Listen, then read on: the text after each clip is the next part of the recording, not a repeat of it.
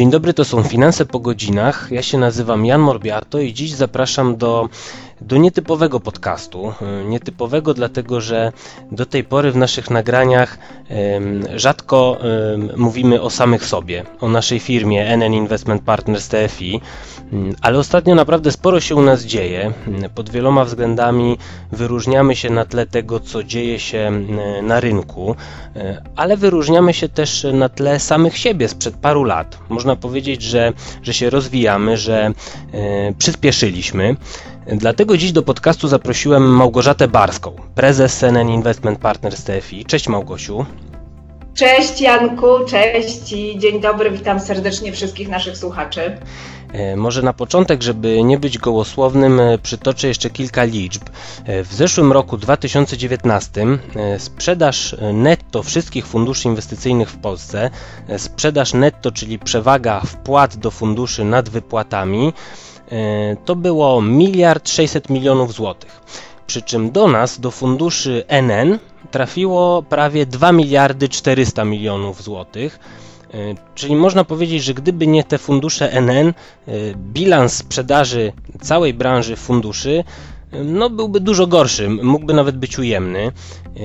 Podobnie zresztą jest w tym roku. Znaczy w tym roku jest gorzej, ale my znowu wyróżniamy się in plus, dlatego że od początku roku do końca maja bilans sprzedaży wszystkich funduszy w Polsce to jest prawie 20 miliardów złotych na minusie. To wszystko przez, przez to marcowe załamanie na rynkach wywołane e, epidemią COVID-19. No a u nas w funduszach NN mamy 340, ponad 340 milionów złotych na plusie. To są dane na koniec maja. I tutaj pojawia się pytanie do Ciebie, Małgosiu, mówiąc wprost, y, dlaczego tak się dzieje, że, że to właśnie nam inwestorzy ostatnio tak chętnie y, powierzają swoje pieniądze? Mhm. No to słuchajcie, ja przede wszystkim bardzo się cieszę z tych naszych sukcesów i naprawdę jestem dumna z całej naszej organizacji, ale umówiliśmy się, że świętować będziemy dopiero na koniec roku, jeśli uda nam się utrzymać takie wyniki. A tak już zupełnie serio, to myślę, że powinniśmy zadać sobie pytanie, dlaczego klienci obdarzyli nas zaufaniem, bo tak naprawdę wszystko, co robimy, to robimy właśnie dla nich. E, I staramy się przede wszystkim zrozumieć ich potrzeby i dostarczać dobre rozwiązania, dobrą jakość obsługi i, i naszego serwisu. Wydaje mi się też, że bardzo ważną rolę, zwłaszcza w obecnych czasach, pełni komunikacja i taki częsty kontakt z klientem, bo to daje mu poczucie bezpieczeństwa. E, I my w, na ten punkt bardzo mocno postawiliśmy. Staramy się też bardzo konsekwentnie robić to, co robimy, być transparentni i, i tacy przewidywalni e, czasami może nawet trochę nudni, ale myślę, że w inwestowaniu to całkiem dobre bycie takim trochę nudnym bo chcielibyśmy być z naszymi klientami naprawdę na długo i nie chcielibyśmy ich zaskakiwać. Ale żeby to wszystko było możliwe, to trzeba mieć odpowiednich ludzi i ja mam ogromną przyjemność kierowania zespołem wspaniałych, oddanych firmie osób i te wszystkie sukcesy to właśnie ich zasługa. Ale żeby nie było tylko tak e, właśnie kolorowo, mówiąc o sprzedaży, ja chciałbym tutaj poruszyć wątek struktury tej sprzedaży, e, dlatego że e, bardzo dobrze idzie nam sprzedaż funduszy obligacji. Można powiedzieć, że to są takie nasze bestsellery i w ubiegłym roku, i w tym roku tak naprawdę trzy fundusze NN obligacji, NN krótkoterminowych obligacji, a od niedawna też NNL mm, krótkoterminowych obligacji plus, to one przyciągają najwięcej kapitału. No ale można przyjąć, że, że przez, przez to, co banki centralne robią teraz na całym świecie, nasz Narodowy Bank Polski też, też obniża stopy procentowe, no w ciągu tych nadchodzących miesięcy te stopy zwrotu prawdopodobnie będą słabsze. No w każdym razie będzie bardzo trudno, żeby były tak dobre jak w minionych 12 miesiącach. I, i czy, yy, czy, no mówiąc wprost, nie myślisz Małgosiu, że ci inwestorzy, którzy dzisiaj decydują się na te fundusze dłużne, bazując na historycznych stopach zwrotu, mogą, y, mogą za te kilka, kilkanaście miesięcy być y, rozczarowani? Mhm. Więc ja myślę tak, że my po pierwsze staramy się nie sprzedawać funduszy ze względu na historyczne wyniki, tylko staramy się odpowiadać naprawdę na potrzeby klientów. I tak jak ja obserwuję naszych klientów, to ich duża część nie ma żadnego doświadczenia w inwestowaniu. Bardzo często oni trzymają wszystkie swoje środki na depozytach bankowych czy kontach oszczędnościowych, więc chyba tak naprawdę ja bym się bardziej martwiła, gdyby oni inwestowali już tak wszystkie te swoje pieniądze w akcje. Ale to, co moim zdaniem jest y, bardzo ważne, to jest taka uczciwa komunikacja i nieskładanie obietnic bez pokrycia. Y, bo, bo to później powoduje te rozczarowania. Także to, to myślę, że jest naprawdę bardzo ważny punkt. I mm, drugą rzeczą, na którą chciałabym zwrócić uwagę, to jest to, że my też bardzo duży wysiłek wkładamy w promowanie regularnych inwestycji, czyli takiego regularnego inwestowania. I wierzymy, że to jest naprawdę najlepsze rozwiązanie dla, dla znaczącej większości klientów, pozwalające uniknąć wielu błędów. Natomiast wracając jeszcze do, do, pytania, czy klienci będą rozczarowani, trudno pewnie tak do końca powiedzieć, bo z pewnością potencjał stopy zwrotu w funduszach dłużnych jest ograniczony ze względu na te właśnie niskie stopy procentowe. Chociaż my się tak łatwo pewnie nie poddamy i będziemy robili wszystko, żeby dostarczyć jak najlepsze wyniki. I myślę też, że warto sobie zadać pytanie, jaka jest alternatywa, bo oprocentowanie depozytów czy kont oszczędnościowych jest już w tej chwili bardzo niskie, a pewnie jeszcze spadnie. Mhm. Powiedziałaś tutaj e, w sumie ważną rzecz, że, że w przypadku e, tych inwestorów o takim e, niskim, niskiej tolerancji na ryzyko, no, nie ma alternatywy dla funduszy dłużnych i, i oni może nie powinni tak mimo obniżek stóp procentowych nie powinni tak e, szarżować z tymi ryzykownymi mhm. inwestycjami, ale, ale jeszcze e, kończąc ten wątek niskich, e, niskich stóp procentowych, one są wyzwaniem nie tylko dla, dla oszczędzających, dla inwestorów, ale również dla, dla TFI i szerzej dla, dla sektora finansowego, no bo mogą, mogą skutkować, mówiąc wprost, niższymi przychodami. Jakie my mamy pomysły na stawienie czoła tej sytuacji? Mhm.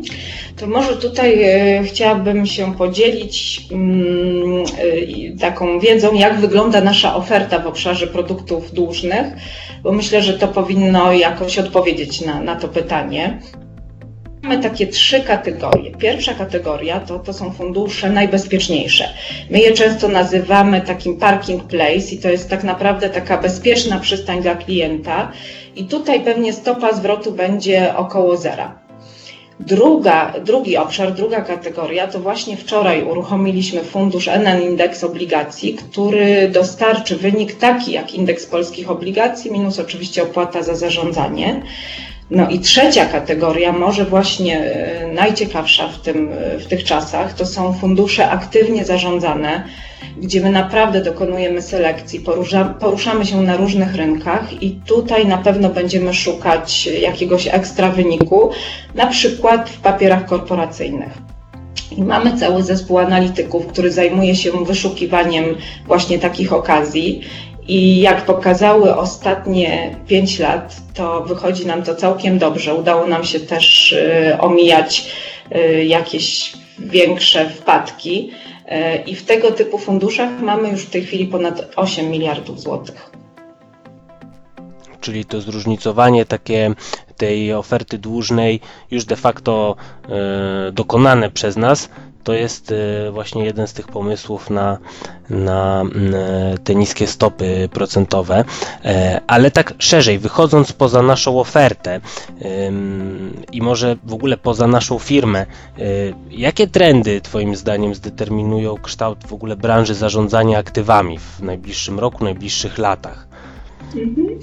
Ja myślę, że pewnie takich trendów jest wiele, ale, ale ja chciałabym zwrócić uwagę na trzy. E, po pierwsze to jest ESG, czyli takie odpowiedzialne inwestowanie, ale być również odpowiedzialną społecznie firmą. E, I my bardzo aktywnie działamy w tym obszarze, zarówno w sposobie, w jaki inwestujemy, jakie produkty dostarczamy i, i jak działamy jako firma. E, tutaj pewnie można by było wiele przykładów podać, chociażby z obszaru inwestowania, to my nie tylko wykluczamy niektóre spółki, ale prowadzimy z nimi dialog. Czy mamy produkty, które y, inwestują w spółki, które że tak powiem, mają pozytywny impact na, na społeczeństwo czy na, na, na środowisko. I też jako firma staramy się aktywnie działać, opiekujemy się Domem Pomocy Społecznej i, i, i staramy się wspierać tych seniorów, którzy się w tej chwili w bardzo trudnej sytuacji znaleźli. Także myślę, że to jest trend, który jest już widoczny w wielu innych krajach. Do nas coraz, coraz częściej klienci, zwłaszcza korporacyjni, instytucjonalni, wracają z pytaniami w tym obszarze. Także myślę, że to, to będzie bardzo ważny trend również w naszym biznesie. Drugi, na który chciałabym zwrócić uwagę, to jest solutions, czyli rozwiązania. I wydaje mi się, że ludzie coraz częściej poszukują gotowych rozwiązań. Przykładem tego mogą być tutaj fundusze cyklu życia, które pewnie wielu z Państwa zna już z pracowniczych programów kapitałowych, czy chociażby robo-advisory. I tego typu rozwiązania na rynkach rozwiniętych są obecne od wielu lat, natomiast u nas dopiero zaczynają się pojawiać, ale, ale myślę, że to jest trend, który będziemy obserwowali. I trzecia rzecz, na którą chciałam zwrócić uwagę, to jest taka zindywidualizowana i zdigitalizowana komunikacja i obsługa klienta. I Tutaj z kolei banki są zdecydowanie dużo bardziej zaawansowane i muszę powiedzieć, że niestety nasza branża trochę została z tyłu i tak naprawdę dopiero się uczymy. My jesteśmy też dosyć mocno regulowani, ale banki również, także uważam, że tu jest bardzo dużo jeszcze do zrobienia i, i, i dużo fajnych i ciekawych rzeczy przed nami. A wróćmy teraz e, z powrotem na chwilę do, do naszej firmy, bo e, po po tych wynikach sprzedażowych, o których sobie powiedzieliśmy, po stopach zwrotu funduszy bardzo dobrych, e, nasi klienci prawdopodobnie w ogóle, mm, w ogóle się nie zorientowali, że, że e, od połowy marca pracujemy zdalnie. Jak to się stało, że, że cała nasza firma była gotowa na zmianę trybu pracy praktycznie z dnia na dzień? Przewidzieliśmy taką właśnie takie zagrożenie epidemiczne, czy skąd to się wzięło? No właśnie, chyba tak pandemii do końca to ani my nie przewidzieliśmy, ani pewnie nikt inny, ale to, co my potrafimy robić, to potrafimy zarządzać różnego rodzaju ryzykami. I mamy tak naprawdę bardzo dobrze przygotowane i przetestowane przede wszystkim procedury na różne awaryjne sytuacje. I ja no, jeszcze kilka miesięcy temu czasami zastanawiałam się, czy naprawdę my musimy to wszystko robić i naprawdę nie zakładałam, że my kiedykolwiek wykorzystamy to w, w realnej sytuacji. Ale myślę, że dzięki takiemu przygotowaniu w przeciągu naprawdę dwóch, trzech dni cała nasza firma była e, gotowa do takiej stuprocentowej pracy zdalnej i nie mieliśmy w tym czasie żadnych takich poważniejszych, nie wiem, awarii systemów, wszystkie procesy przebiegały poprawnie, a my mogliśmy się skoncentrować na zarządzaniu, na kontaktach z klientami, na, na, na budowaniu komunikacji, bo to był trudny czas y, dla wszystkich. Tak, tak na rynkach finansowych. Tak, ogromnie. I myślę, że to też pozwoliło nam zbudować taką przewagę konkurencyjną, że mogliśmy bardzo szybko wrócić do naszych klientów, e, rozmawiać z nimi, przygotować dla nich materiały, także, także nie musieliśmy się martwić o to, że nie wiem, nie mamy komputerów, czy systemy nam nie działają e, i uważam, że to był bardzo ważny sprawdzian dla naszej firmy i, i, i że bardzo dobrze sobie z tym poradziliśmy. A czy, mm, a czy epidemia i, i ta praca zdalna, ten home office, one mm, coś zmieniły, coś zmienią w naszej kulturze organizacyjnej? Jak myślisz? No ja myślę, myślę że e, bardziej sobie pomagamy i, i wzajemnie się wspieramy.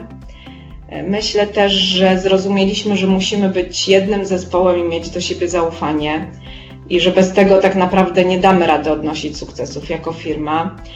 I tak paradoksalnie trochę wydaje mi się, że jesteśmy bliżej siebie i, i, chyba jeszcze szybciej i sprawniej działamy. Może mamy mniej czasu na spotkania, jesteśmy, nie wiem, lepiej zorganizowani, szybciej podejmujemy decyzje.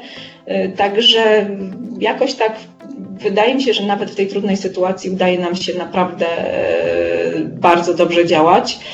Natomiast to, na co chciałabym zwrócić uwagę i, naprawdę uważam, że to jest bardzo ważne, to my korzystamy z tego, co zbudowaliśmy będąc razem. Dlatego, że moim zdaniem kultury organizacyjnej nie da się stworzyć w, takiej formule home office'u, nie do końca. I, I dlatego tak ważne dla nas jest jednak, żebyśmy spróbowali wrócić do biura, do bycia razem, bo wtedy buduje się zespół, wtedy buduje się zaufanie, e, wtedy jest czas, żeby jeśli przychodzą nowe osoby, to je wdrożyć do firmy, przekazać im nasze wartości. Pewnie zdalnie też będziemy to próbowali robić, jeżeli będzie taka, taka e, sytuacja, natomiast uważam, że bycie razem e, no, pozwala to, to zrobić zdecydowanie lepiej. Czyli można powiedzieć, że to to, jacy byliśmy, sprawiło, że tak e, sprawnie się tutaj do tej nowej e, sytuacji zaadaptowaliśmy, a nie ta nowa sytuacja wymusiła na nas jako organizację jakieś gruntowne zmiany. Tak mi się wydaje. Mhm. Małgosiu, e, nie mam, nie mam więcej pytań. Mm, To wszystko na dziś. Dziękuję Ci bardzo, że wzięłaś udział w nagraniu. Bardzo dziękuję. Mam nadzieję, że, że, że było to dla Państwa ciekawe. Ja jeszcze może tak na koniec, to, to jedno zdanie chciałabym dodać, jak ja patrzę na, na przyszłość, na naszą firmę, y, to myślę, że takie konsekwentne działanie naszej organizacji i to, że my się staramy lepiej przygotować y, do, do szybko i, czasami bardzo tak nieprzewidywalnie zmieniającego się otoczenia, y, pozwala nam właśnie odnosić te sukcesy. I chcielibyśmy być firmą, która jest zwinna, która potrafi wykorzystywać szanse rynkowe, nie boi się robienia nowych rzeczy, a, a klient jest zawsze w centrum naszej uwagi. I taką naszą myślą przewodnią i naszym zadaniem jest dbanie o finansową przyszłość naszych klientów. No to jest, to jest dobra puenta, dobre zakończenie. Jeszcze raz e, dziękuję Ci bardzo. E, Państwa, Bardzo dziękuję. Państwa i moim gościem była Małgorzata Barska, prezes NN Investment Partners TFI. Ja się nazywam Jan Morbiato i już teraz zachęcam do wysłuchania naszego kolejnego podcastu w ostatni poniedziałek lipca. Najprawdopodobniej będzie to podcast serii mm, Inwestowanie po prostu. Myślę, że będziemy kontynuować wątek pracowniczych planów kapitałowych. Do usłyszenia.